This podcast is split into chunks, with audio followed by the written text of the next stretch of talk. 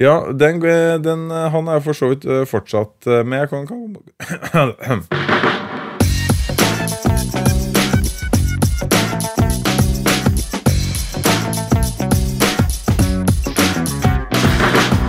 Du hører på Psykologlunsj, populærvitenskapelig lunsjprat med psykologene Tommy, Jonas og Jan Ole.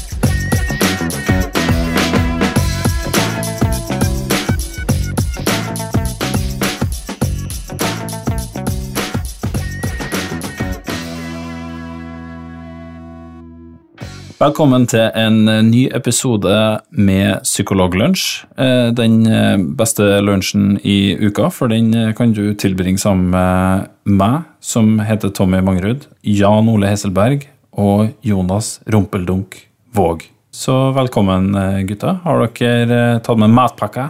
Matpakka er på plass. Makrell i tomat. Flykrasj. Flykrasj. Stabburet leverpostei har jo sånn eh, kampanje hvor du kan få ditt eget leverposteilokk. Å ja, har de det? Og da har jeg selvfølgelig laga en eh, psykologlunsj leverposteilokk. Og det kan alle gjøre. Det er bare å lyge og si at du har kjøpt tre bokser med leverpostei. Du krysser av den der det, det krysset. Det var reklame for deg på psykologlunsjsida, faktisk. eh, Fordi at eh, det kommer opp sånn random reklame på, på Facebook.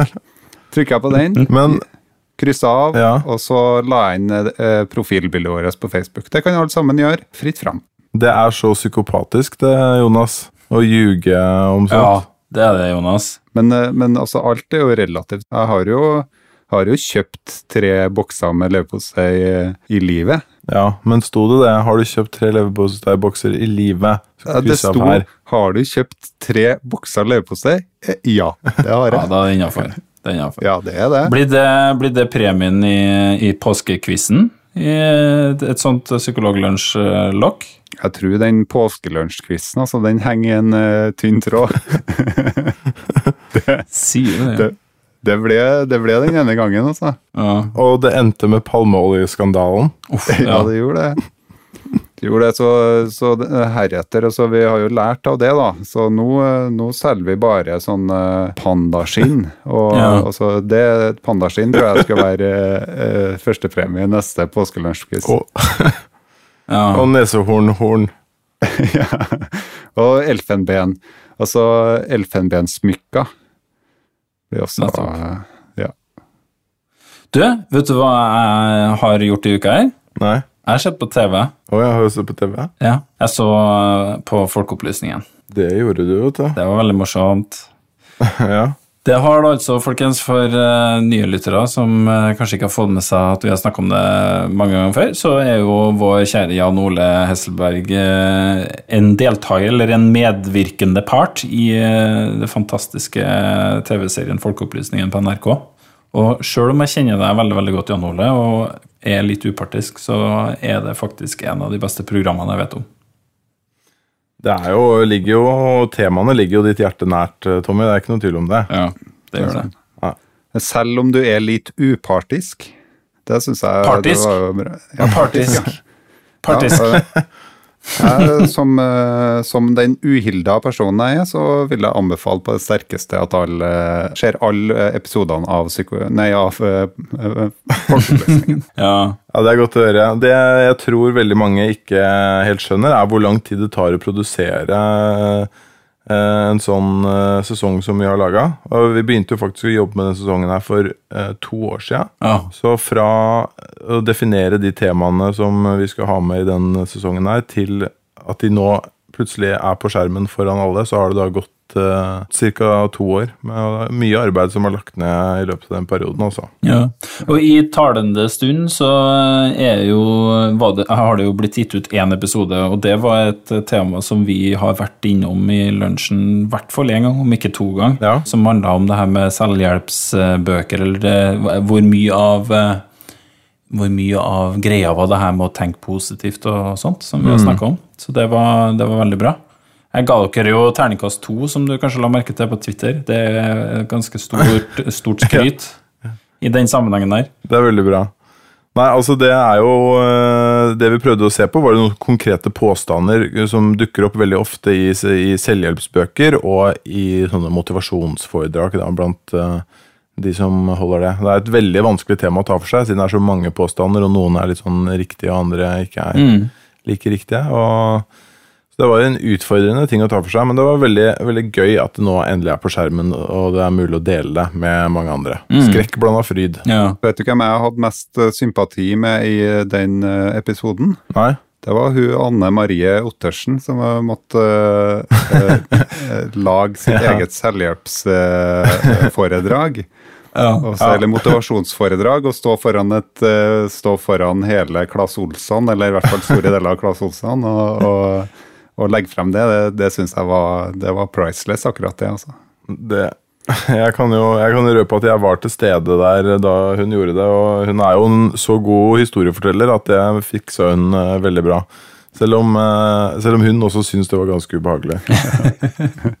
Men eh, når vi møtes igjen neste gang, så har det jo kanskje vært to episoder til. Men jeg tror kanskje innen den episoden jeg slipper, så har det vært en episode til. Har du, kan, kan du si bare sånn kjapt hva det, hva det Ja, det er en episode som ser nærmere på eh, hvor gode økonomieksperter i anførselstegn er til å spå om fremtiden. Eh, for det er veldig mye av det økonomiekspertene gjør, er jo å spå i fremtiden. Enten det er å eh, fortelle hva renta blir eh, i fremtiden, om eh, boligprisene, eller eh, hvilke aksjer man skal kjøpe. Så er det store spørsmål, det kanskje største spørsmålet vi tar opp, er er de som aktivt forvalter eh, fond og prøver å plassere penger og prøver å slå markedet på børsen, er de gode til det de sier de er gode til. Jeg registrerer at eh, over de her tre sesongene Jan Ole, så har jo fokusområdet for eh, episodene endra seg en del. Det starta jo første Ja. sesongen med bare alternativ medisin, egentlig. Eh, Men det, den biten som, den kjernen som har blitt værende igjen, er jo egentlig alt det her med hvor lett vi blir eh, lurt, og, og hvor kanskje hvor, hvor mye mer vi bør være litt sånn bakpå med å hoppe på ting som vi hører. Absolutt. altså det er, det er to røde tråder i folkeopplysningen. Det er for så vidt altså dårlig vitenskap, altså eh, ting som er dårlig dokumentert, eller hvor folk lover mer enn de holder. Og da i tillegg, hvorfor er det sånn at vi likevel eh, går på det? Og, og det er jo, der kommer jo psykologien med, med en del av svarene, i alle fall. Mm. Og Folkeopplysningen går vel det klokka fem over halv ti på NRK1 på onsdager på lineær TV, gjør det ikke det? Det stemmer. Og så slippes det klokka tre allerede på onsdagen på nett-TV. Så det slippes før på nett-TV. Oi, men synd, for du hører den episoden her på lørdag. Men uh, du kan jo Ja. gjøre det Du kan jo gjøre det neste onsdag. Ikke sant? Det bringer oss jo eh, fint over til det vi skal snakke om eh, i dag, for vi skal snakke om psykologi, rett og slett. Eh, Jonas skal forklare oss om det er lurt å være forelska i læreren hvis du skal lære, få et godt læringsutbytte av, i klasserommet. Men først så skal du, Jan Ole, forklare oss om sukker rett og slett er det drivstoffet som viljestyrken vår trenger for å fungere optimalt. Ja, det er jo det er jo et veldig stort spørsmål. Altså, Det som har vært teorien eh, en stund, det er at glukose, altså omsetningen av glukose i hjernen, er avgjørende for hvor eh, mye viljestyrke vi har. Så det er gjort noen studier hvor man har satt folk på ganske slitsomme oppgaver. Sånn at de har på en måte tappet viljestyrken sin litt. Og så har man sett at man kan kansellere denne effekten ved å gi dem eh, cola, da, f.eks. Og da har tanken vært at det er omsetningen av glukose i hjernen som har vært eh, avgjørende for eh, hvor mye viljestyrke man har. Ja. En veldig kjent eh, amerikansk psykolog som eh, står bak, som også ble nevnt faktisk i eh, forrige episode av Folkeopplysningen, Roy Baumeister, har uh, forska en del på dette. og Han har også skrevet en bok som er oversatt til norsk, som heter Viljestyrke. Og så har jo da et tema som vi har tatt opp ganske ofte eh, her eh, i Psykologlunsj, eller som i hvert fall jeg har tatt opp ganske ofte, det er denne utfordringen med at det, er veldig mange studier innenfor psykologien som ikke gjøres på nytt. Så mange eksperiment som bare blir gjort én gang, og så prøver man å gjøre det igjen, kanskje etter altfor lang tid. Så finner man ut at det, man ikke får akkurat de samme resultatene på nytt. Og da er spørsmålet er det egentlig sant, det man, eh, det man trodde. Og det har skjedd med denne tanken om at eh, man trenger eh, Man må gjøre noe med glukosenivået da, i hjernen, for å si det enkelt, eh, for å få viljestyrken tilbake igjen etter at man har på en måte brukt den opp på noe man har syntes har vært eh, krevende. Og da, eh, i sommer, så ble det gitt ut en eh, studie som har tittelen The Bitter Truth About Sugar and Willpower. Og det har dere sett på flere studier som har forsøkt å se på det her med, med glukose, eh, og da selvkontroll eller viljestyrke. Og alt tyder på at eh, dette i det minste er veldig overdrevet, og de konkluderer vel egentlig med at man bør være ganske varsomt med å anta at det stemmer, mm. inntil vi har mye bedre bevis, da. Så en ny sukkermyte. ja, du kan jo, du kan jo i aller høyeste grad eh, kalle det det, Ja. kanskje. Og hvis vi kaller denne episoden Sukkermyten 2, så blir det jo sikkert den nest mest hørte episoden. For den første episoden vår om sukkermyten ble jo mest populær. Den ble veldig populær, ja. Det er sant, det. Nei, men jeg, altså det jeg syns er interessant med det, er at eh, jeg vet ikke om dere har hørt så mye om denne teorien før, har dere det? Nei? Har Nei, egentlig ikke. Nei, men jeg, jeg har sett den referert flere ganger, da, fordi dette med viljestyrke har jo vært et populært tema, selvfølgelig. Eh, og det er så lett å fortelle om det, eller det er så lett å forklare denne hypotesen. Og jeg husker at jeg var på Puls en gang for å snakke om det her med viljestyrke og sånn, og da, da måtte jeg liksom aktivt uh, bremse meg selv i å ikke ta opp dette med glukosenivået, da, fordi journalistene var veldig opptatt av denne hypotesen. Eh, og så visste jeg at det var litt sånn var usikkerhet knytta til det. Og nå, og nå har vi da endelig fått en undersøkelse som peker ganske tydelig i retning at vi i hvert fall vet altfor lite. Ja.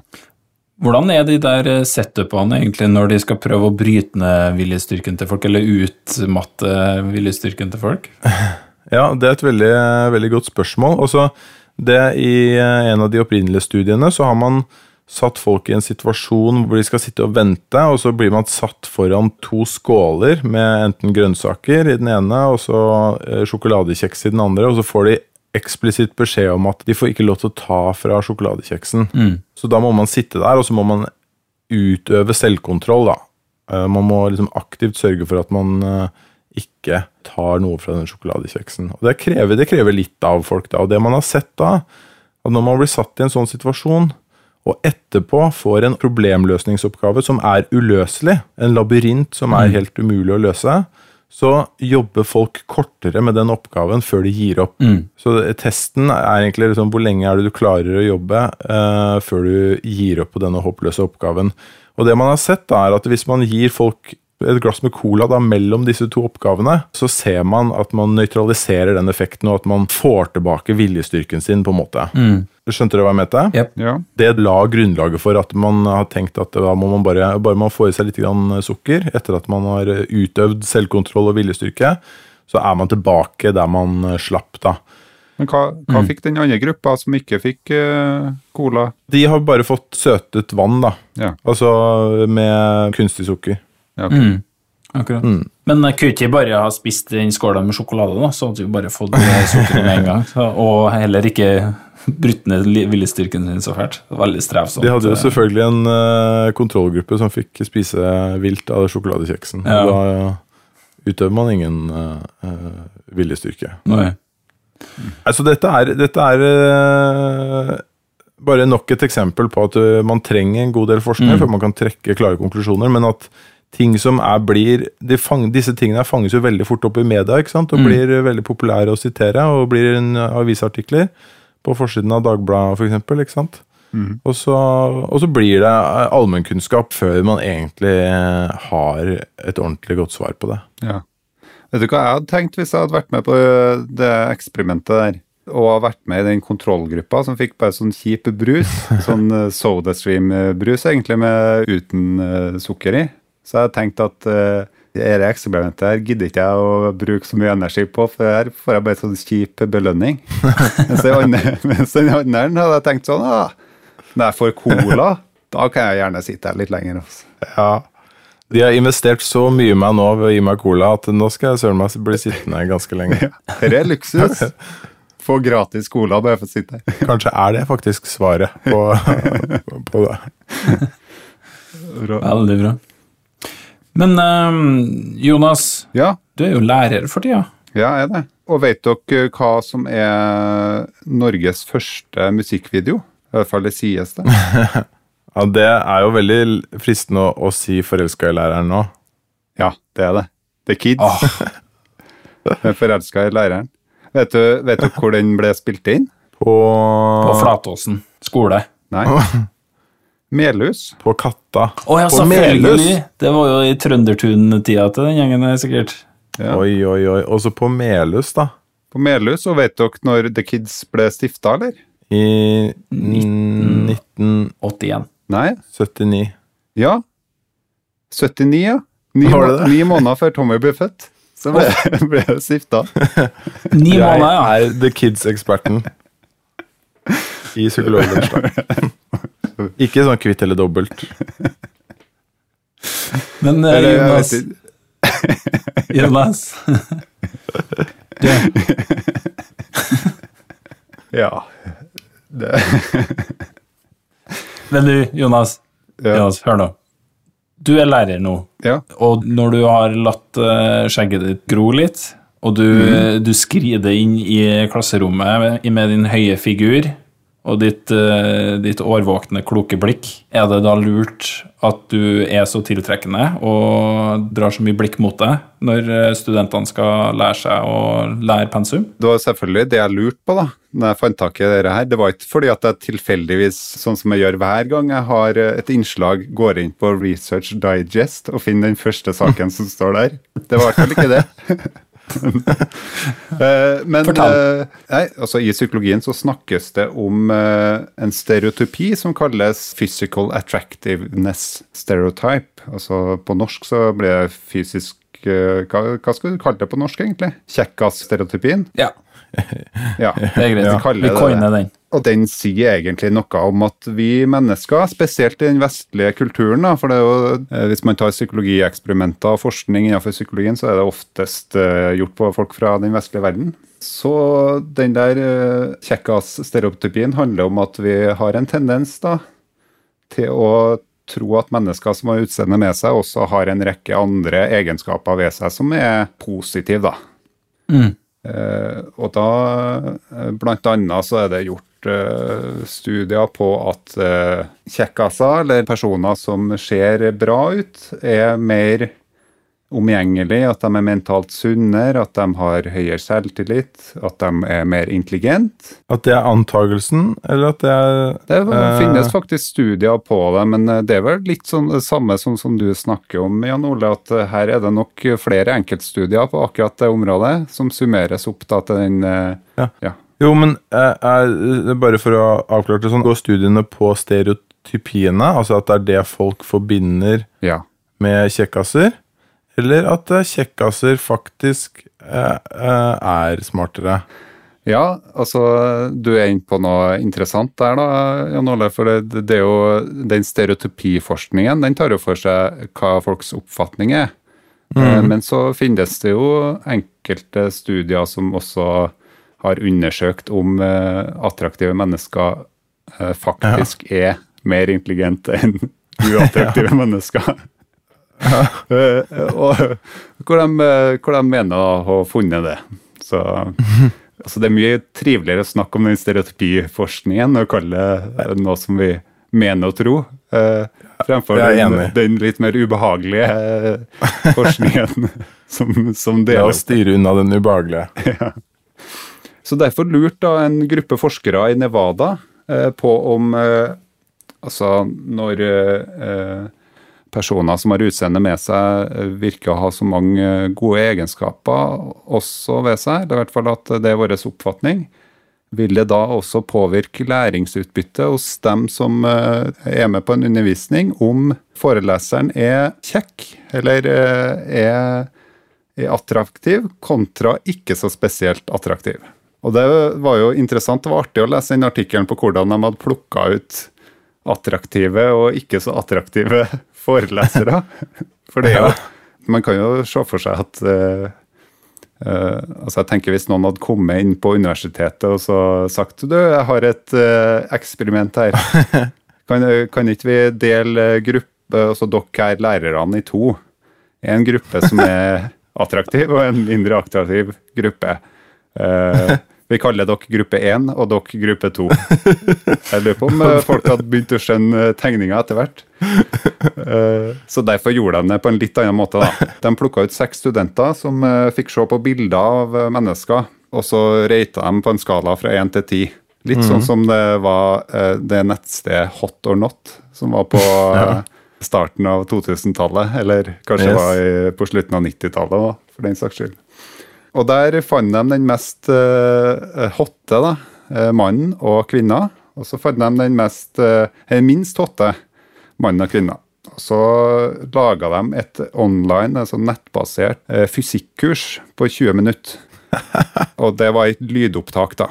Og så rekrutterte de godt over 100 personer. Var rundt 120-130 personer. Eh, 86 kvinner, 45 menn, ja. Eh, som, de, eh, som da ble invitert til en studie hvor de lurte dem, da. Ja. Ja, bare, bare, bare stopp en halv, for du, du sa at eh, den inndelingen av lærerne ville vært litt brutal hvis man hadde samla de og bare delt i en gruppe. Men jeg vil jo si at det her også er ganske brutalt, da. Ja, det, For, for det er jo det er jo da åpenbart en lærer som har blitt liksom den skikkelig stygge læreren. Og den læreren kan jo også lese den artikkelen etterpå. ja. Og skjønner vel ganske fort om man tilhører den ene eller den andre gruppen. Ja, de uh, hoppa bukk over eh, den uh, problemstillinga. eh, fordi Ja. at de, det var vel bilder av tilfeldige personer her. Eh, Ja. Så, så okay. Og så tok de et lydopptak av en forelesning med en mannestemme og en kvinnestemme. Eh, og de, var, var ikke lærere i Ah. det hele tatt. Så de laga egentlig Skjønner. bare en, en sånn standard stemme. Så de Ja. gjorde i den der uh, lydopptaksforelesninga, da, uh, så var det når du fikk den ene mannestemmen og du skulle ha hatt en attraktiv lærer, så fikk du uh, det attraktive bildet. Og så var det det uattraktive bildet på det, på det andre, da. Ja, så Det var ikke noe videomateriale her, altså. Nei, men det, det, Nei. det som var så artig, at de, de som var med i studien, ble jo lurt til å tro at dette her handla om eh, Du hadde like godt læringsutbytte av å ha en forelesning via lyd, bare lyd, Ja. kontra det å sitte i en forelesningssal. da. Mm, de, mm. de visste ikke at det handla om hvorvidt lærerens utseende hadde noe å gjøre for utbytte av Nei. forelesninga. ja. Så det de gjorde, da, var å lage denne lydforelesninga, 20 minutter om fysikk. Og så satte de seg foran PC-en, og så fikk de denne uh, lydforelesninga og hørte sikkert på via, høyttalerne der, og så hadde de bilde av foreleseren oppi hjørnet. ja. Eh, en eh, gruppe fikk en eh, pen dame eller en eh, fin mann, og en annen gruppe fikk en mindre pen dame og en mindre fin mann. da, oppi det hjørnet. Og underveis i forelesninga så fikk de ikke lov til å notere ned eller gjøre noe ekstra. De, de skulle bare følge med på undervisninga. Og så De er delt i to, da, selvfølgelig. Etterkant så var det 25 spørsmål, et multiple choice, om denne eh, forelesninga. Og da fant de at eh, det var I gjennomsnitt da, så var det en eh, relativt grei forskjell mellom de to gruppene. Den ene gruppa svarte sånn ca. tre spørsmål, altså tre riktige mer enn den andre gruppa. da. ja. Hvilken gruppe gjorde det best, da? Det er den gruppa som hadde den attraktive eh, læreren. ja. Det var det jeg ville ha gjetta på, altså. Ja, hvorfor ville du gjetta det? Mm. Fordi det jeg tenker sånn umiddelbart er årsaken til det, er at det øker liksom oppmerksomheten din, da. Mm. Fokuset på, på den personen. Bare den generelle, den generelle oppmerksomheten liksom bare øker. Ja. Ja. Interessen, liksom, Mm. for det som skjer rundt den personen. Ja. Absolutt. Og kanskje man ønsker å imponere også. Selv om det her var jo en, eh, en ren eh, Altså, de ble informert om at eh, de var totalt anonyme, så det ville ikke medføre noe annet enn eh, ens egen, eh, altså en egen opplevelse av mestring i etterkant av eh, prøven. Men, men så man på kjønnsforskjeller, da? For det, det vil jo kanskje være med på å underbygge om det handler om å imponere eller ikke, da. Altså, er det, Var det sånn at det, at det var kvinnene som gjorde det bedre da de så på den kjekke mannen? Eller var det jevnt fordelt mellom menn eh, og kvinner. Det var faktisk ikke noe vesentlig forskjell på menn og kvinner på akkurat det. Var ikke det? Nei? Det er også interessant. Ja, det, det var faktisk det, altså. Så, Så det, det kan eh, Det her er jo Det her, det her te, ligger jo veldig tett opp mot den såkalte glorieeffekten, som, eh, Ja. som den heter, da. Altså at vi har en tendens til å Eller eh, de positive egenskapene vi ser hos en person, hvis den har noen positive egenskaper, så sprer det seg, liksom. Vi, har, vi tror at de, de innehar andre positive egenskaper også. Ja. Eh, I tillegg til at eh, de svarte på den multiple choicen, så tok de også validert om hvorvidt det stygge bildet var et stygt bilde, og det pene bildet var et pent bilde. Eh, så for å sjekke altså, Du gjør jo det i ethvert studie å sjekke om manipuleringa da, eh, stemt. Altså at de som også gjennomfører eksperimentet, også opplevde at denne personen var penere enn den andre, f.eks. Og den Mm. ratinga viste jeg da å stemme. Så de seks personene de hadde vært gode på å plukke ut eh, en attraktiv og en mindre attraktiv foreleser av eh, henholdsvis med mann og kvinne. Men det jeg kunne tenkt meg å likt å se en sånn eh, ny variant av det her, for det er jo litt det du er inne på, Jan Ola. at jeg tror at ting som gjør at du øker den generelle oppmerksomheten, gjør at du følger med bedre. Så liksom, hvis, du hadde, hvis du hadde en lærer som sto der med sånn reinsdyrgevir, da, eller noe sånt, da, Ja, ja. eh, så tror jeg du kanskje kunne ha risikert å få den samme effekten, kanskje. Eh, Eller jeg vet ikke, det har vært morsomt å se forskjellige variasjoner av det.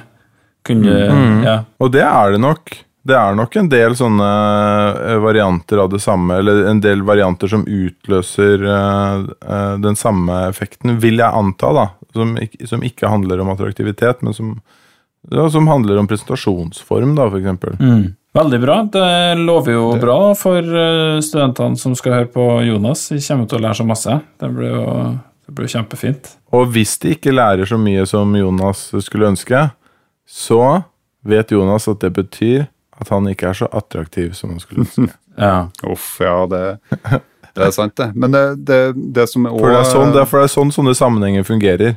Ja, Det er, det er reversibelt. Det er ikke noe problem å bare snu det på hodet, sånn som jeg gjorde nå.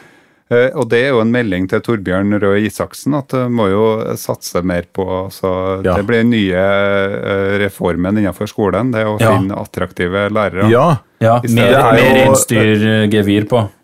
I stedet for den der eh, fire i matte-limiten, så er det fire i én til ti Hot or not. Not-grensa. Men uh, Høyre sin fanesak innenfor utdanningspolitikken har jo lenge vært videreutdanning av lærere. At de må få mer kurs, og de blir eh, bedre til uh, yrket sitt. Ja. Uh, og nå har vi jo da, for det første så er det jo litt sånn rett og slett litt usikkert på om noen uker med ekstra kurs gjør deg til en bedre lærer. Det er vel flere som diskuterer det. Men, men for det andre så vet vi nå konklusivt vi kan, Dette trenger vi ikke mer forskning på, det er jeg helt overbevist om. At det, en bedre investering er å sende alle Norges lærere til plastiske kirurger Ja. som kan gjøre de penere. ja. Så extreme makeovers på hele gjengen. Det blir kjempebra. Det er anbefalingen fra Psykologlunsj, tenker jeg. Det er bra. Veldig bra. Jeg tenkte også, skulle si at uh, altså, det, det er jo kanskje noen haker med denne eh, undersøkelsen. Uh, oh, hvis, Kan vi jeg har, Åh, Åh. hvis vi har tid til det. Bare en liten hake. Det er jo at eh, altså, hvis du går i en klasse eller eh, over flere år, eller et semester eller litt lengre tid, eh, så kan det jo hende at den der effekten da, som, som oppstår i løpet av de 20 minuttene med fysikkforelesning, kanskje brenner ut etter hvert. Altså at hvor, hvor mye vet man egentlig om langtidseffekten av å ha en attraktiv lærer, og om vi, hvorvidt også det er, litt forskjell på at man sitter og hører på en forelesning i en forelesningssal, kontra det å sitte og se på en dataskjerm og se på et statisk bilde. Jeg vil jo tro at det, det kan være forskjeller der. Så det, det ønsker de. Eh, og de har store ambisjoner, tydeligvis, for her skal det forskes masse, eh, står det i artikkelen. Men da må vi nesten bare be Torbjørn bare holde han litt, litt til, da. Bare Ja, men det, det går jo an. Altså Nå er jo det her evidensbasert, så nå kan jo alle skoler bare legge ned, og så, så får alle sitte på datamaskiner i stedet. Med et bilde oppi hjørnet, og, og så får lærerne kan jo gjøre noe annet. Det er riktig. Veldig bra. Da tror jeg vi skal runde av i dag. Eh, Vi er jo faktisk Vi har jo et lydformat, så fra og med neste uke av nå så bytter vi ut eh, profilbildet av Psykologlunsj-redaksjonen her med noen eh, attraktive stand-ins. Og det vil vi tro kommer til å hjelpe mye på hvor mye du får med deg av episodene her. Fram til vi høres igjen, så får dere tune inn på Folkeopplysningen onsdager på NRK1 klokka 21.35. Ha det så lenge.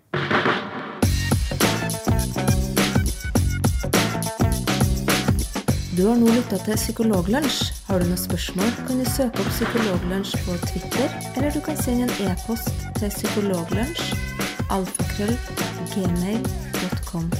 Mer informasjon om temaet du har hørt i dag, finner du på psykologibloggen.no og tankesmed.no.